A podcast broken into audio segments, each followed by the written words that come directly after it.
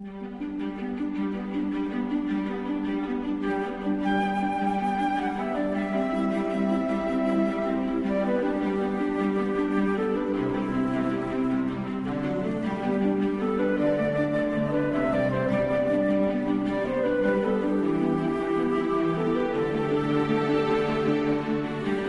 que deixem enrere les festes, comencem a menta- mentalitzar-nos que tornem a la normalitat, que tot torna a començar i quina millor manera de fer-ho que aprofitar aquesta hora intempestiva i alhora plàcida, màgica, diria fins i tot, per dirigir-nos al final d'un carreró empedrat i humit d'una ciutat indeterminada del país.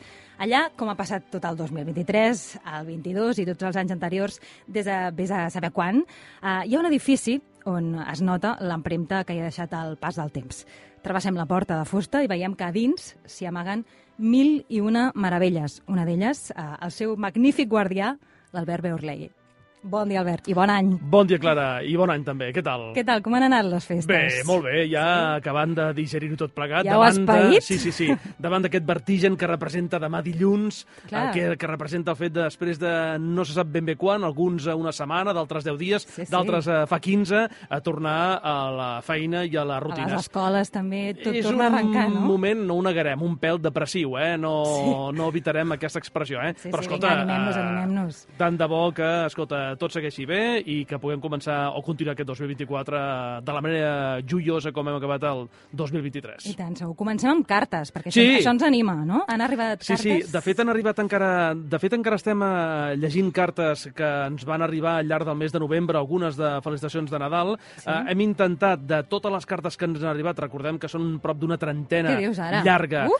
el fet d'agafar aquelles que ens, eh, ens sembla que són felicitacions de Nadal, i hem aplicat el Tresina Cat. No sé si... Tu has vist les Tresines? Molt poc, sóc Vale. una generació posterior. Hi ha un et capítol sembla? de les Tresines en què eh, volen obrir una carta d'un veí i no saben ben bé com fer-ho, i llavors fan a través de bafos, miren d'obrir el contingut de la carta per endevinar eh, si hi ha una felicitació o no hi ha felicitació. Vale. I per tant hem agafat tres cartes, que les tres són de, eh, una de novembre i dues de desembre, Vale. i on eh, intuïm que dins hi han felicitacions de Nadal.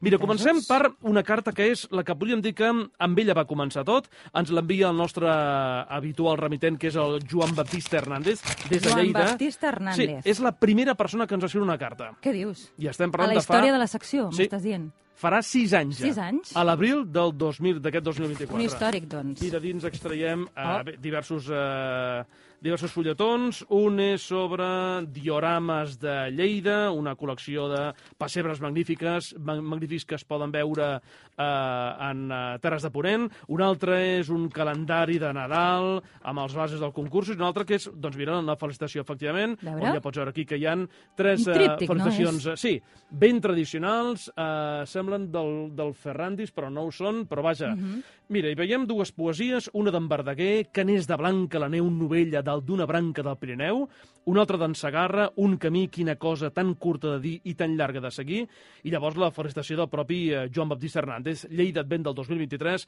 benvolgut senyor Berlegui Bundó, bon Nadal tingui i bon any nou 2024. Fidel, Home. Joan Baptista Hernández. Aquesta és la primera de les felicitacions que, que hem rebut. En tenim una altra. Una altra, la segona. Doncs mira, una segona que ens arriba en aquesta ocasió des de Barcelona i ens la remet la Maria Victòria Vilanova.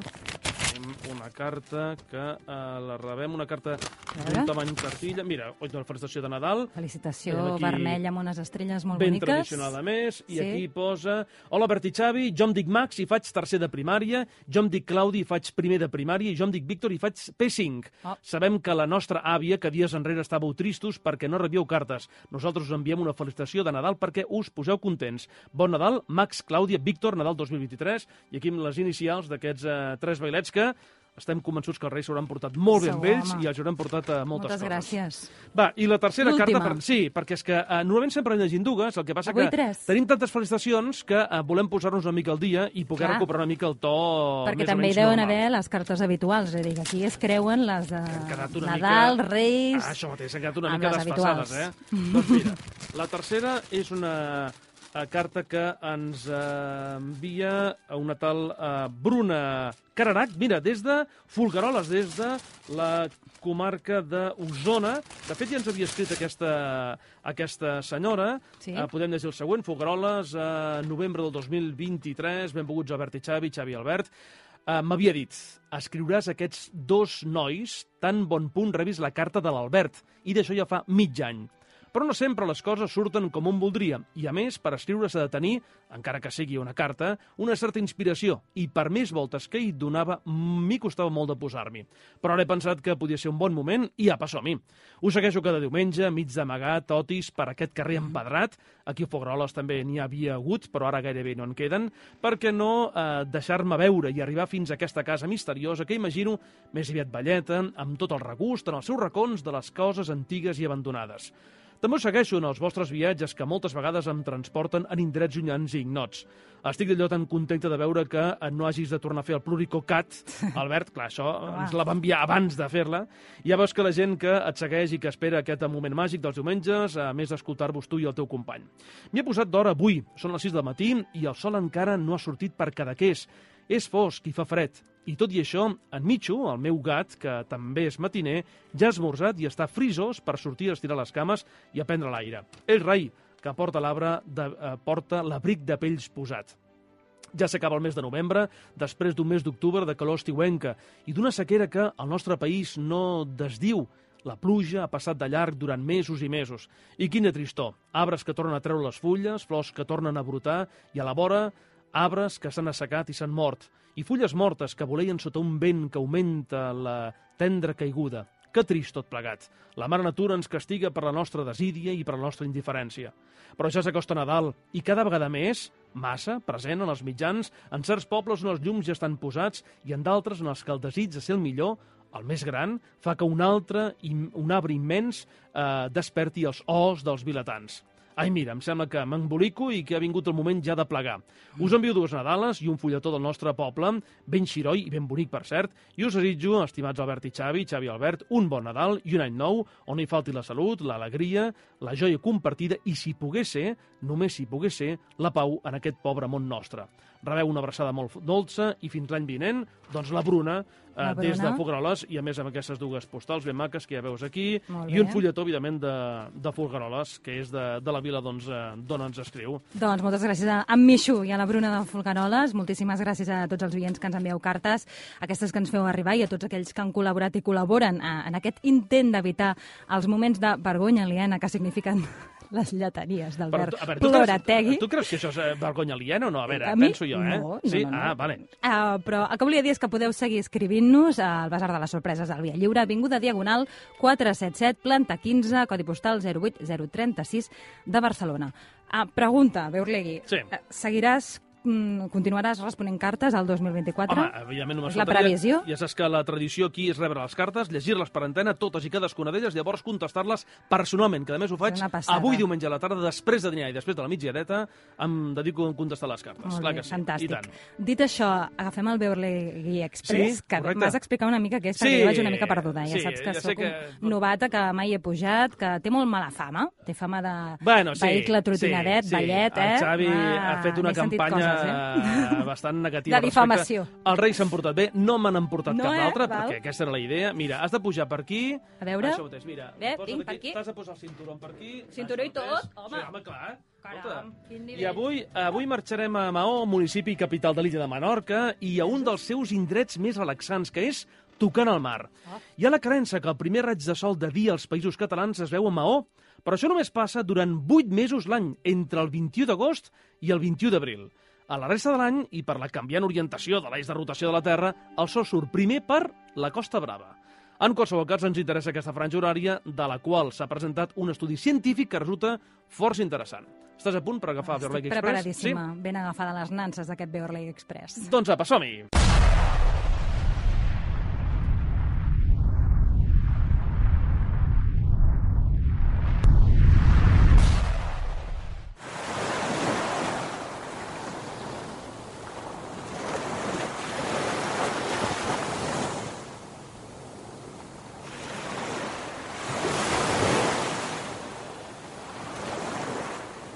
Ostres, Ostres, Beurli, Què? on, on som? Fa una mica de rasca, no? Sí, aquí? Fa però guaita, fred. quin som més relaxant. Uf, però... Està a punt, a més, està eh? a punt de sortir el sol, eh? Ah. Mira, d'aquí a uns, eh, res, un quart d'hora mal comptat, a les 8 i 4 minuts, per allí, per l'horitzó, serà el primer lloc dels països catalans on ho farà. Oh, molt bé. Què? No, no, impressionant. T'hi quedaràs aquí una estona o no? Sí, em quedo aquí amb tu. Ets fredolic, ets fredolic, Molt, tu veig, molt, eh? sí, sí, sempre porto 300.000 capes, o sigui. Mira, Veig que tu ets molt valent, eh? Sí, sí, home, sí, clar que sí. Mira, hem anat aquí, eh, i en aquests minuts previs a que surti el sol, perquè un estudi de la Universitat de Califòrnia ha descobert que un dels trets que els humans hem heretat dels neandertals és la propensió d'algunes persones a matinar. O sigui, quan més matiner, més neandertal, m'estàs dient. No? Això és una mica Ah, ofensiu. jo no volia... No, eh? No em vols portar No cap volia aquí. dir-ho d'aquesta manera. Suposo que tu, clar, per raons òbvies has de ser... Bueno, tot l'equip, evidentment, del Via Lliure ha de ser molt matiner. Sí, eh, perquè ens toca, com si diguéssim, eh? No, no per Correcte. naturalesa. Jo sóc més aviat nocturna. m'agrada. Sí? Tu ets més matiner? Jo sóc molt matiner, sí, sí, sí. sí. La veu feina feta, doncs. Sí, home, i tant. Aquesta universitat eh, bé, ha estudiat, eh, un- o sigui, ha fet uns estudis per als quals han arribat a la conclusió que durant els 70.000 anys en què van conviure els humans moderns i els neandertals, es va propiciar que en els encreuaments que van acabar derivant del que som, és a dir, l'homo sapiens sapiens, heretéssim una sèrie de trets dels nostres ancestres que encara mantenim avui. I alguns d'aquests trets comuns són part del seu ADN, òbviament, un sistema immunològic similar, la, la capacitat d'adaptació al clima, algunes característiques del cabell i, atenció, aquesta propensió a matinar que podria ser un avantatge evolutiva heretada dels neandertals. Es veu que els científics han trobat variants genètiques en persones actuals que matinen i que estarien relacionades amb aquest tret neandertal. I això diríem que té alguna mena d'utilitat? Uh, mira, jo, amb els estudis científics, ja he arribat a la conclusió que molts no tenen cap mena d'utilitat, però, ha molts, eh, en el fons, científics. ajuden, no sé, a, a conèixer-nos més a nosaltres mateixos, no? Mm. Però, uh, mira, com a mínim servirà perquè la notícia uh, serà el punt de partida de la secció d'avui, que dedicarem a aquest hàbit que d'entrada gaudeixen tots els oients que ens estan escoltant en aquest moment. Avui, doncs, el primer basar de les sorpreses del 2024, el que fa el 333, que dedicarem a la lletra M. La M de matiner.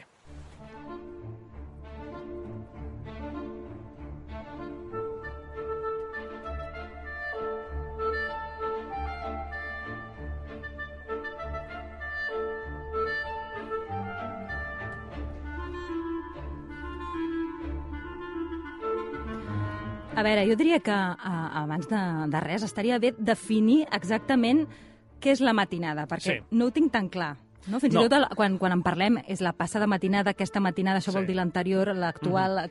És una mica embolicat, no? Objectivament, la matinada és aquella franja del dia en què va des de més enllà de la mitjanit, per tant, des de les 12 i un minut de la nit, fins més o menys l'alba, la sortida del sol, que, òbviament, varia segons l'estació. I, per tant, matiner és aquella persona que es lleva en aquestes hores.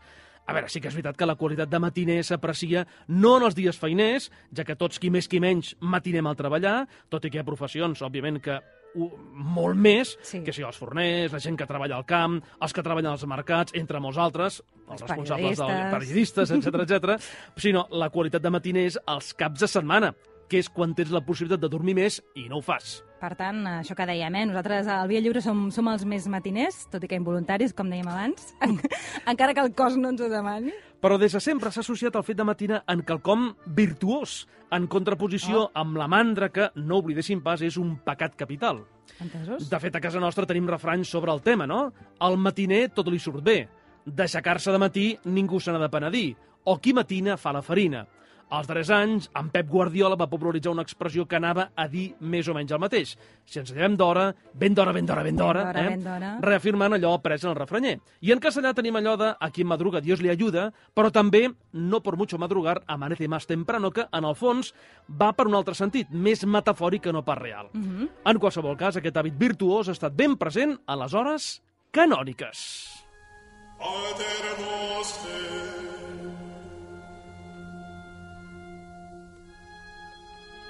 et ne nos inducas in tentatione, se libera nos a malo. Iube Dome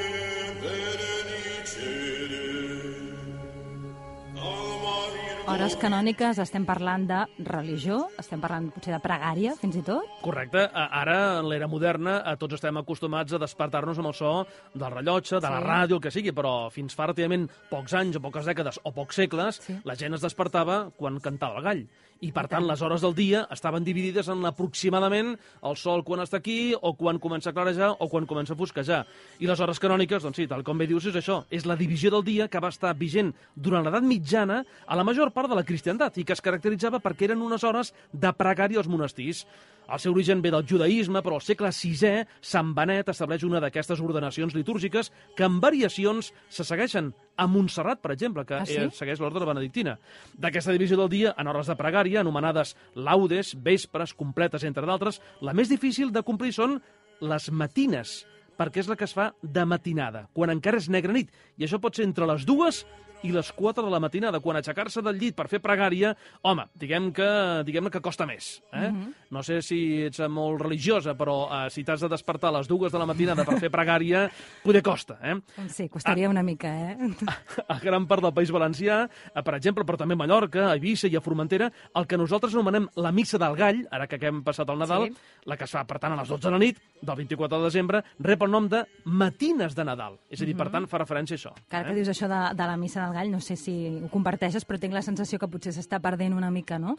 Que, o no? Uh, sí, creus? a veure, de fet, eh, la missa al gall és una missa que és com molt especial, perquè és la Sí. que reuneix uh, la gent, diguem-ne, en una hora, diguem-ne, molt, molt intempestiva, que som les 12 de la nit. Mhm. En una època, uh, fins fa relativament poques dècades, en què no hi havia masses opcions d'oci, d'entreteniment, i tota la vida era exactament igual, un dia rere l'altre, el fet d'anar un dia a l'any, una missa a les 12 de la nit, era com quelcom molt especial. Un esdeveniment. Ara s'han inventat això, la missa al Pollet, que es fa per gent, diguem-ne... Sí, Ah. Home, sí, a les 5, les 6, les 7 de la tarda, a les 8 del, del vespre, però que, en el fons, no ve ser el mateix, perquè a les 12 de la nit acabes a la 1 quarts de dues, llavors hi ha el ressupor, etc etc. Bé. en qualsevol cas, un altre element religiós també molt matiner, però que només passa un cop l'any, i a Sevilla és la Setmana Santa, les famoses madrugàs.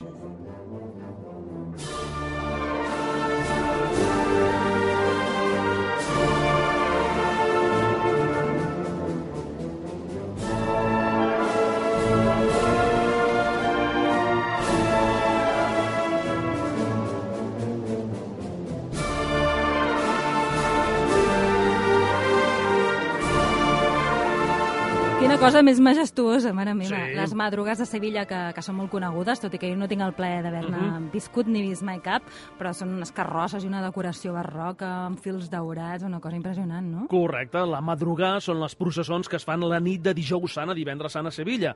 El seu origen és antiquíssim, essent la Hermandad del Silencio, instaurada l'any del senyor del 1340, la més antiga de totes. Per tant, imagina't, eh? Segle XIV, eh? fa d'això més de 600 anys. Eh? Déu-n'hi-do. I n'hi ha sis en total, la del Silencio, el Gran Poder, la Macarena, el Calvario, la Esperanza de Triana i los Gitanos, i surten des de quarts d'una de la matinada, la primera, fins a tres quarts de quatre de la matinada, l'última. Per tant, jo diria que madrugar, jo diria que és més bé l'empalmar, eh? perquè jo Sí, diria que una empalma, eh? Uh, la devoció es pot trobar al darrere de llevar-se ben d'hora, ben d'hora, ben d'hora, o directament ja no d'anar a dormir. Però hi ha altres motius. Al llarg de la història hi ha hagut molts personatges històrics que han fet de llevar-se d'hora un hàbit.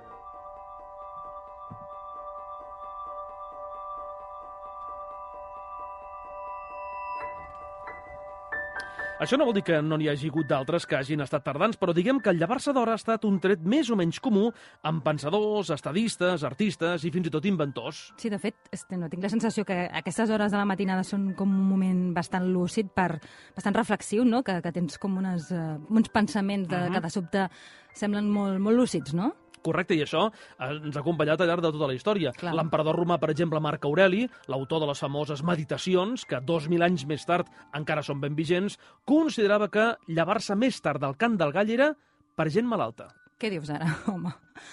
Malalta directament. Leonardo da Vinci odiava dormir la nit sencera i feia migdiades curtes al llarg del dia per estar sempre actiu. El papa Juli II, el que va encarregar Michelangelo Buonarroti i la capella Sixtina, es llevava a les 4 per despatxar els greus assumptes al govern de l'Església. L'inventor Thomas Alva Edison pensava que dormir era una pèrdua de temps. I, de fet, recordem la seva invenció més cèlebre, que és el perfeccionament de la bombeta, que fins llavors era inestable, va tenir lloc de matinada. En la- detriment d'hores de son va néixer la bombeta, Doncs mira, entre altres coses sí. el titular. I llavors ja, doncs això, la reina Cristina de Suècia, coneguda perquè en cinema la va interpretar la divina Greta Garbo, que rebia classes a les 5 del matí del pensador francès Descartes. A la il·lustre monarca li agradava que tot estigués ben ventilat de matinada i tenia les finestres dels seus palaus ben obertes. De fet, es diu que a causa d'això el filòsof francès va agafar una pneumònia i s'hi va quedar, tot i que Ostres. mai s'ha acabat d'aclarir del tot. Mhm. Qui no va morir, sinó que va aconseguir la immortalitat, tot i que a un preu molt car va ser Titonos.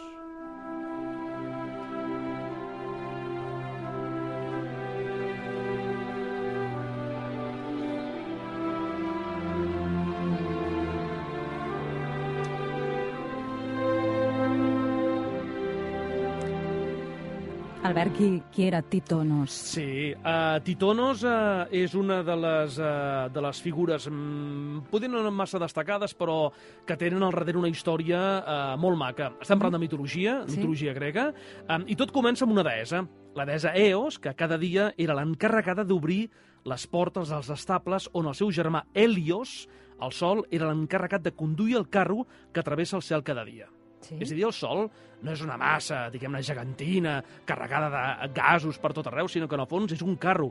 Un carro que és portat per Helios al llarg de, de tot el dia, no? Mm. Eos era d'una bellesa estremidora i es va enamorar d'un mortal, Titonos, que era un jove, fill de Laemodons, rei de Troia i germà de Príam, i això que també era un xicot molt ben plantat.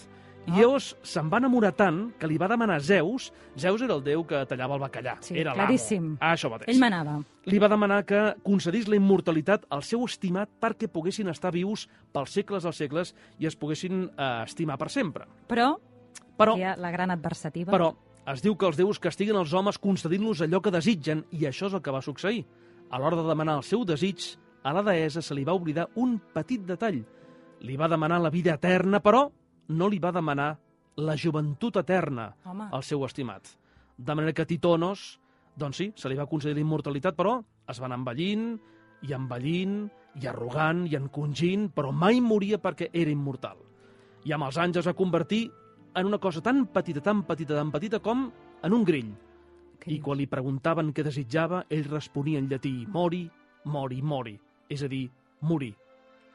Si ens hi fixem una mica, el cant dels grills és molt semblant al que canten. Mori, mori, mori. Ostres, és ben bé que, que no, no es pot despistar, eh? Ah. perquè un dia que no acabes amant exactament perquè els són el molt, que són molt vols. punyeteros, eh? I Zeus Ah. era un tarambana... Era eh, un Zeus, eh? I un saltallits eh, molt, molt notable, eh? Oh, fatal. Eh, Eos surt cada dia en el moment en què surt el sol, que és una imatge que en pintura va generar un dels corrents artístics més importants dels darrers segles, l'impressionisme.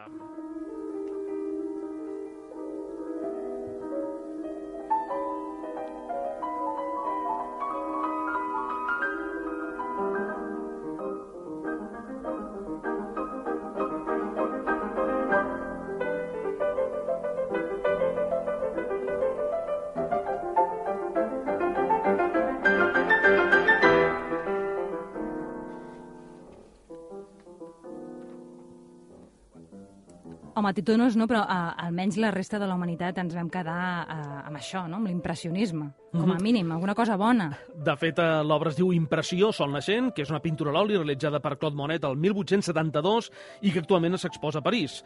I és l'obra amb la que es considera que neix l'impressionisme, que és aquest important moviment pictòric que es va manifestar sobretot durant el darrer quart del segle XIX i que va marcar la ruptura de l'art modern amb l'academicisme que era imperant en aquella època. Al quadre, Monet va pintar la sortida del sol al port de Le Havre, Tres barques i naveguen entre l'espessa boira matinal i el fum de les fàbriques que s'intueix al fons. No cal dir que quan es va exposar per primer cop l'any 1874, l'obra es va considerar inacabada. Ja se sap. Com és que exhibiu aquí una obra que no s'ha acabat del tot, no? Vull dir Bueno, I amb això, doncs, la incomprensió dels grans artistes, no?, que, que són avançats al seu temps. que... Uh -huh. I, de fet, amb el terme impressionisme eh, s'apliquen diferents arts, no només la pintura. I una d'elles és la música. Va, i parlant de música... A veure... Oh,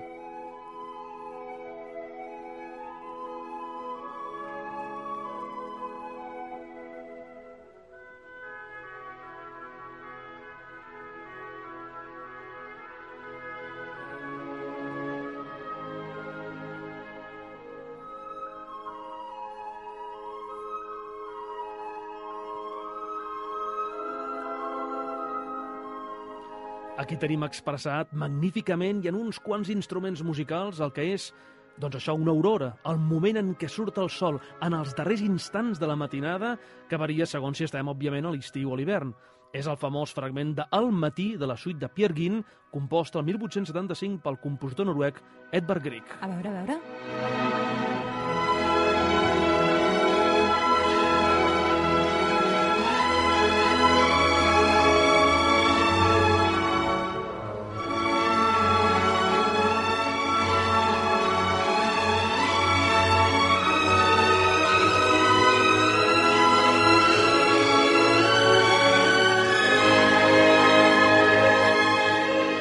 Quina meravella, mare Què et sembla? Preciós. Et sonava, no, per això? Home, i tant. És una És- peça és un extremadament clàssic. coneguda, I eh? tant, i tant. La peça forma part de la música incidental homònima de Henry Gibson i ha tingut diverses adaptacions cinematogràfiques, la primera de les quals l'any 1919, però també hi ha una versió del 1934 i de la que està considerada la primera pel·lícula protagonitzada per Charlton Heston, dirigida l'any 1941, quan només tenia 17 anys i que, per cert, es pot recuperar al YouTube. I ja que estem en cinema i que ja ha sortit el sol, doncs anem per un concepte molt popular fa anys i que malauradament s'ha perdut, les sessions matinals.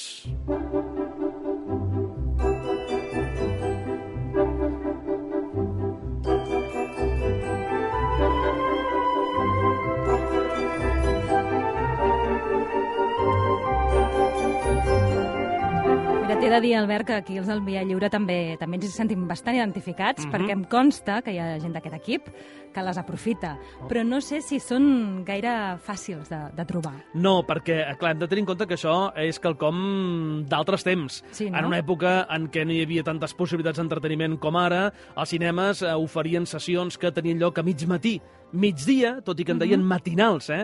Anar-hi, jo no sé si hi havies anat tu, però era Jo tota una experiència. Sí? Perquè al cinema s'hi va com a la tarda, a vespre, eh, quan surts del, Clar. del cine, segurament que és ja és fos, nocturn, no? no? És la imatge que et ve al cap, Això mateix. les crispetes, I, això mateix. I sortir del cine quan encara havies d'anar a dinar, doncs era com molt insòlit. Jo havia anat molt de nano, perquè Sí? el cinema Atlàntic ja ha desaparegut de baixant la Rambla de Barcelona a mà esquerra. Hi havia sessions matinals el dissabte i diumenge al matí, i havia anat amb el meu avi i era tota una experiència anar a una matinal, perquè era, em, sempre em feia com molta il·lusió. Clar. Al, al, co- a Amèrica el concepte de matiner s'aplica a les primeres sessions, però no al matí, sinó de la tarda, just havent dinat.